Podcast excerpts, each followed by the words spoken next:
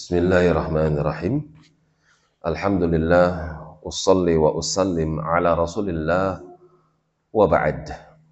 Masih di dalam surah Asy-Syu'ara sampai firman Allah taala tentang kaum Lut alaihi salam. Beliau menasihati kaumnya atatuna dzukrana minal alamin. Hai kaum, bagaimana dengan kalian? Kalian datangi laki-laki yang merupakan satu jenis dengan kalian. Kalian tumpahkan syahwat kalian kepada sesama jenis minal alamin dari makhluk-makhluk Allah. Watadharuna Kenapa kalian tinggalkan ma khalaqalakum rabbukum apa yang telah diciptakan oleh Allah Tuhan kalian untuk kalian min azwajikum dari pasangan-pasangan kalian. Kalian laki-laki justru menumpahkan syahwat kalian kepada laki-laki. Bukankah Allah telah menciptakan perempuan untuk kalian? Jika kalian masih kurang daripadanya, bukankah Allah telah menghalalkan untuk kalian lebih daripada satu pasangan untuk kalian?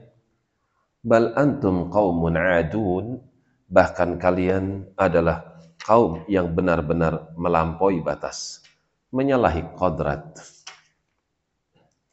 Qalu maka mereka menjawab, La illam tantahi ya Lutun, kalau kau tidak menghentikan aksimu wahai Lut, latakunanna minal mukhrajin, maka engkau termasuk orang yang kami akan usir. Ayat ini menjelaskan kepada kita bahwasanya orang yang mengajak kepada kebaikan maka sudah menjadi suatu hal yang mesti lazim bahwasanya dia akan mendapatkan pertentangan. Karena itu dia harus sabar. Orang yang mengajak pada kebaikan kadang harus mendapatkan bully. Orang yang mengajak kepada hal yang ma'ruf kadang mendapatkan permusuhan. Karena sesuatu yang ma'ruf, al-haq, kadang selalu berseberangan dengan hawa nafsu. Qalu mereka berucap, kalau kamu tidak menghentikan dakwahmu, ajakanmu ya Lutu, wahai Lutu, kamu akan kamu akan menjadi orang yang kami usir. Qala inni li'amalikum minal qalin. Tapi Nabi Lut alaihissalam bukan seorang yang pengecut. Beliau seorang nabi, seorang rasul, seorang yang pemberani. Maka beliau umumkan kepada kaumnya, sungguh aku betul-betul benci dengan amal perbuatan kalian kalian betul-betul telah menyalahi tabiat manusia.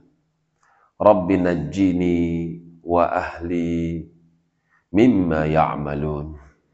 Ya Allah, selamatkanlah aku, selamatkanlah keluargaku dari praktek apa yang telah mereka amalkan.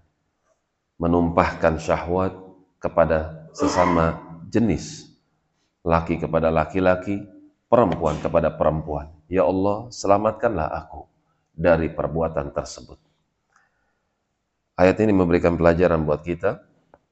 Seorang duat, seorang alim, seorang ustadz, seorang ayah, dia harus menjaga keluarganya dari berbagai macam bentuk perbuatan-perbuatan yang mungkar dengan cara meminta kepada Allah perlindungan untuknya dan juga keluarganya.